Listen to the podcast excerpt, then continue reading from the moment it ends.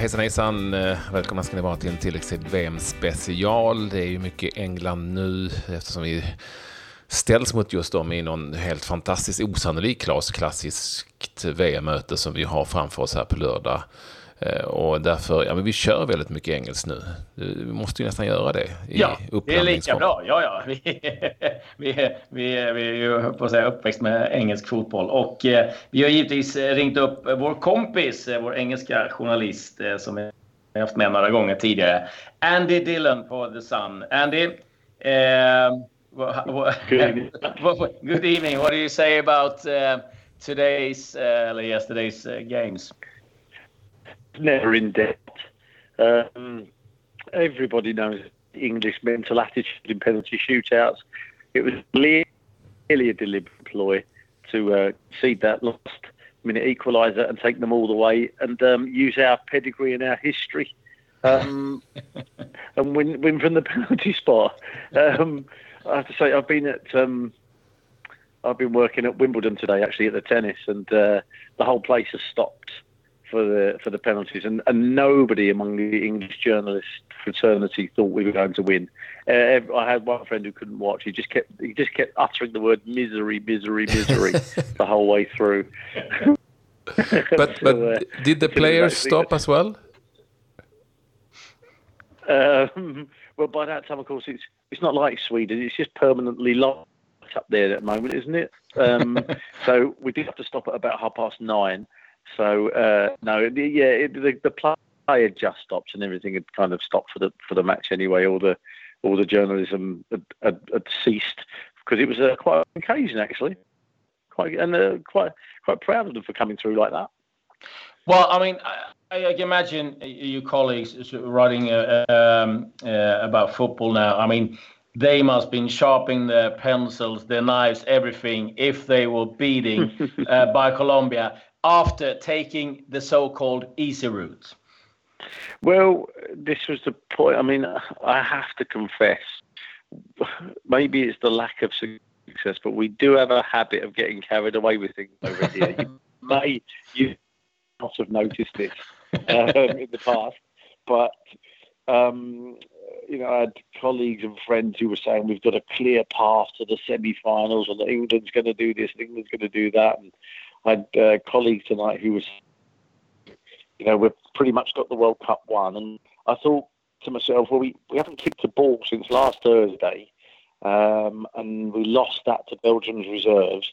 So it's a, a bit premature, and, and, if anything, it's been the other countries who've been winning it for us, the likes of Russia uh, and Croatia and people like that who've been knocking out, you know, Spain going out and and Argentina going out. It um, so it kind of transformed a bit. The whole time we actually did, we performed better in the World Cup when we didn't actually kick a ball, um, which is maybe the way forward for teams like England. So it's it's interesting how it's all. It's such an odd World Cup now, isn't it? I mean, if you got one side of the draw, you still got Brazil, France, and Uruguay in there, and then. Uh, uh, you know, uh, on our side is England and, and poor old Sweden.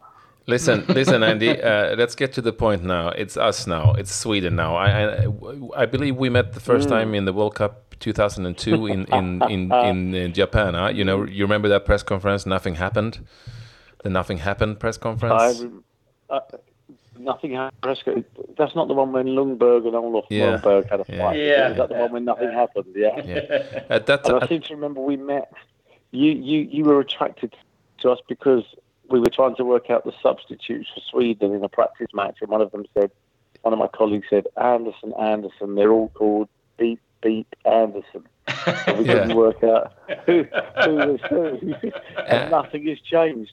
Yeah. Absolutely nothing has changed in 16 years. But that was down on the island of Kyushu, southwest of um, the Japanese mainland, wasn't it? So uh, no, I think it was Mi- Miyazaki. Circle. Miyazaki, I think. I mean, uh, that this was. But let's leave the geography lesson. Yeah, yeah, yeah. Never mind. Never mind. well, at that time, at that time, you thought Sweden were nothing, and we we played one-one uh, in that World Cup uh, group. Now it's Sweden again, mm. and I, I believe all of you think we're useless, and we might be. Well, but but still, I think we have a good chance here. Do you know what? I'm I'm probably the best person to speak to you because I think I'm the only English journalist that's watched Sweden play at this World Cup because I saw them in the game against Mexico. Yeah. I was out in Ekaterinburg working, um, and I, there's some things. There are some things I greatly admire about Sweden, um, and one of them was your coach, who was totally unrepentant for trying to fight the entire German coaching staff a week or so ago.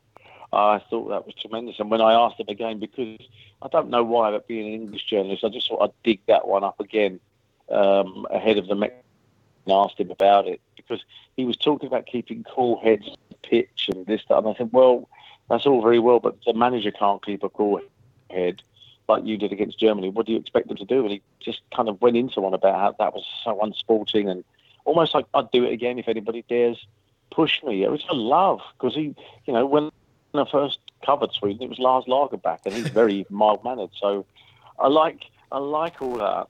Um, I, I, I, thought they were really organised. I thought you were a bit lucky against Mexico as well because there was a I think it was a dodgy penalty. There was an, a handball own goal, oh, and then a, perhaps maybe a decent volley from um, Augustinsson.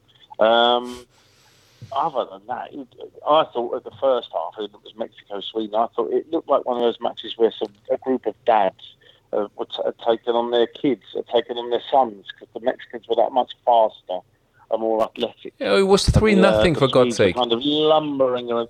Yeah, but not at the time. It wasn't. No, not but at the time because it was. I think it was nil. It was nil. Was it nil nil? First half. I think it. Uh, yeah, it was nil nil. We're already uh, getting there. This is perfect. You underestimate us already. we love and you're the one. And you are the one. I mean, to be fair, let's just say let's just say Sweden is a stopping off point en route for England to pick up the trophy. that's, that's, all it is now. It's, it's, it's, I keep getting people sending me pictures of. I've had one sent to me tonight of Paul Gascoigne on the phone, ringing, making a phone call and saying, "Hello, is that football? Yes, I'd like to book a taxi to home um, so because football's coming home, all that sort of stuff. So, you know, we're, we're very excited.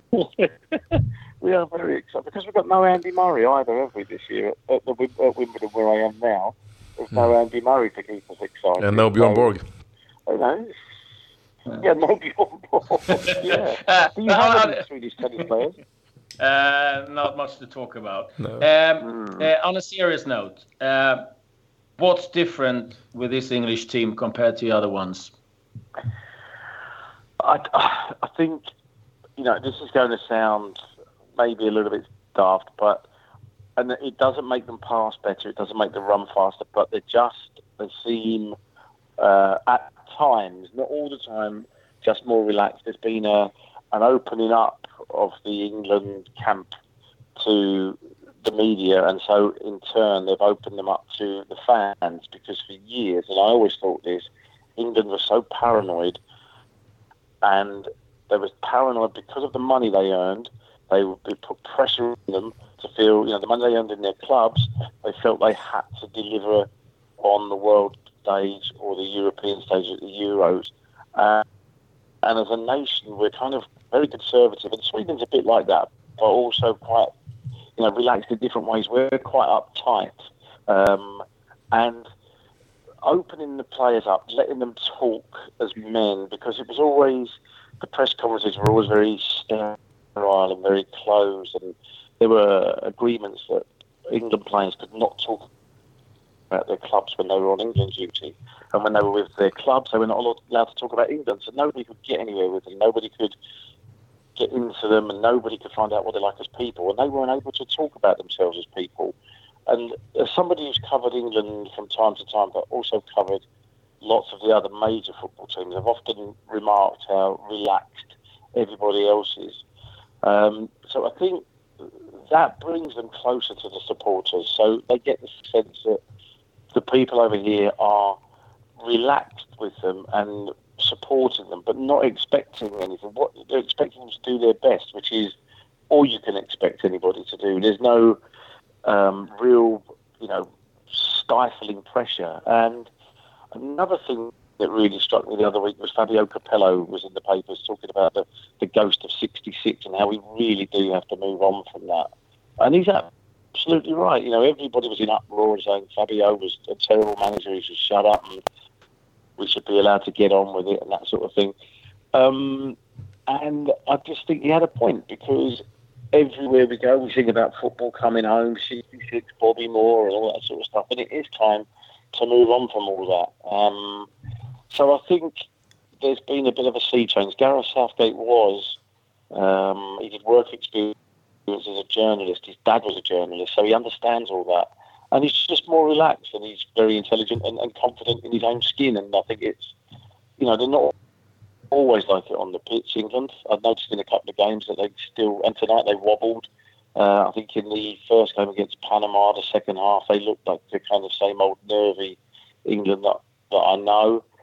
But overall, they're a much more relaxed bunch. Um, and I think it, it does have an effect on them. It has an effect in the mind and therefore in the boots. Great answer, and also the longest answer I think we ever had in this podcast during this past year. Yeah, I'm from sorry about that. Yeah, still, no, no, no, no. It's good. It's good. It's good. It's good. It's good. Still, still, we um, you you do know that uh, one of the key Swedish key players in Sweden usually plays for Hull. I mean, you've seen our. I, have sent you on an SMS uh, the clubs that yeah. the, the, Swedish players yeah. are, are are playing yeah, for. Yeah. Um, what do you make out of yes, that? Yes. Yeah I, well, I just think it just shows you again. I mean, it's a it's a weird World Cup again, isn't it? That um, you know, one thing I would say about Sweden against Mexico, they were really organised, knew exactly what their jobs were, and obviously they were physically bigger. Um, but it just shows you what can be achieved. I mean, you go back to Greece winning the Euros um, mm. In 2008, was it 2008 that they won the Euros? 2004. 2012. 2004, blimey, yeah. older than I thought. Um, and it just shows you what you can do with a mentality. And I, to, I think your coach is probably a big factor in that. Seeing how passionate he is now, patriotic, mm. um, and not being ashamed of that was great. Um, you know his name is Andersson? So, uh, yeah, Janne, yeah. isn't it? Yeah, yeah Andersson. Andersson. Anderson. They all call fucking Anderson. I'm Anderson. I'm Anderson. so I think it, I don't think it's going to be the most exciting match, is it, on Saturday? Uh, never mind. What kind of game? Uh, uh, uh, um, I would like to ask you, what do you think um, when England have to be in control, have to be controlling um, the game, taking it forward? Would that suit them? Um, I think they probably might feel a bit more comfortable against Sweden because they got a little bit sucked into Colombia tonight. I mean, Colombia were very fast, but very Latin in the the dramatics. I mean, Sweden don't really do that, do they? They they, they approach games honestly, if you like, in the same way that England do. So I, I don't think we'll see so much of the the kind of the professionalism, as they called it, with the, the slight, you know, the slight touches and down they go and that sort of stuff. So I think we'll see a more honest game. I don't know if they will control it because Sweden, Sweden are very good at taking the control from, you know, from Mexico was the only time I saw them, but to, to, to take the control and and stick to their game plan, their organisation will frustrate um, a lot of teams, including England, because it just they're just good at what they do. And I spoke to Seb Larsson after the Mexico game, and he said, We don't make any apologies for that either. This is what we do. You know, it's interesting that Sweden's doing better without Zlatan, and that was one of the questions I asked him. But, you know, everybody Sweden would struggle even more than they have been without Zlatan, but they seem to have um, embarked upon this new kind of spirit of um, of team unity that's getting them, that's carrying them through. It's amazing.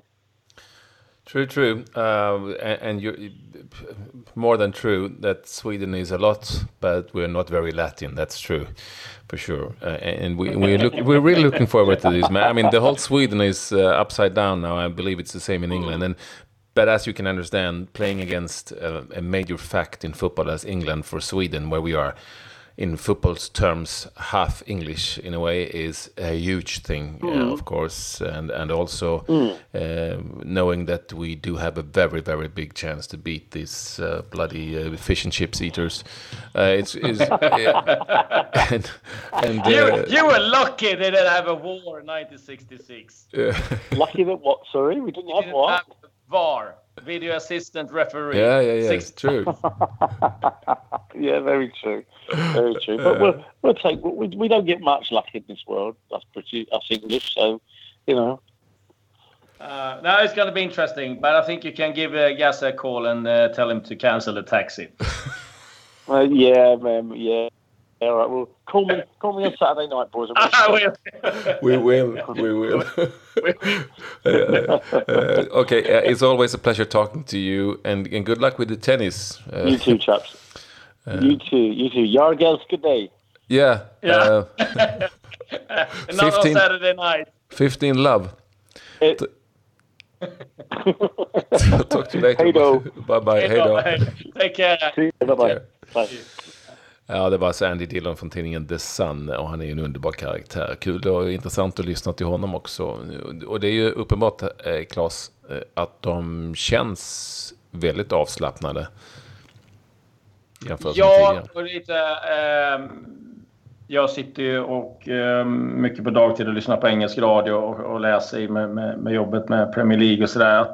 Det är en annan atmosfär. Det är när hela den här eh, affären med läktarlaguppställningen kom så var han ganska, eller väldigt skicklig, Southgate på bara, nej men det är journalisternas jobb, det är deras jobb är inte liksom att, att vara hejaklacksledare för, för oss utan eh, de är här för att liksom eh, skriva och eh, rapportera till, till engelska folket. Så att det, det har jag inga problem med.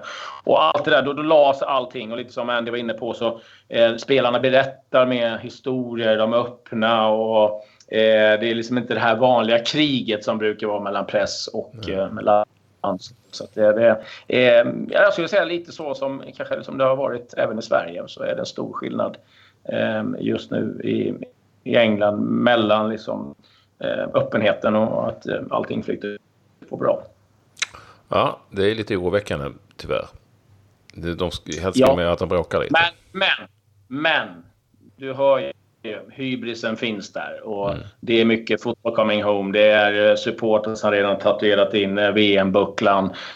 Um, så, och det gjorde de redan efter Panama-matchen, så du förstår själv att uh, det här kommer ju givetvis... uh, det kommer vara några dagar där hybrisen uh, byggs på. Men frågan är ju hur laget hanterar det. Det är det som är intressant. Men Eh, ja, det finns ju mycket fördelar givetvis med att möta England. Det finns också nackdelar. Men det får vi se fram emot. Vi kommer försöka ha fler Englands rapporter framöver givetvis. Ja, lyssna på vårt ordinarie tilläggstid också. Glöm inte det. Ja, ja, ja.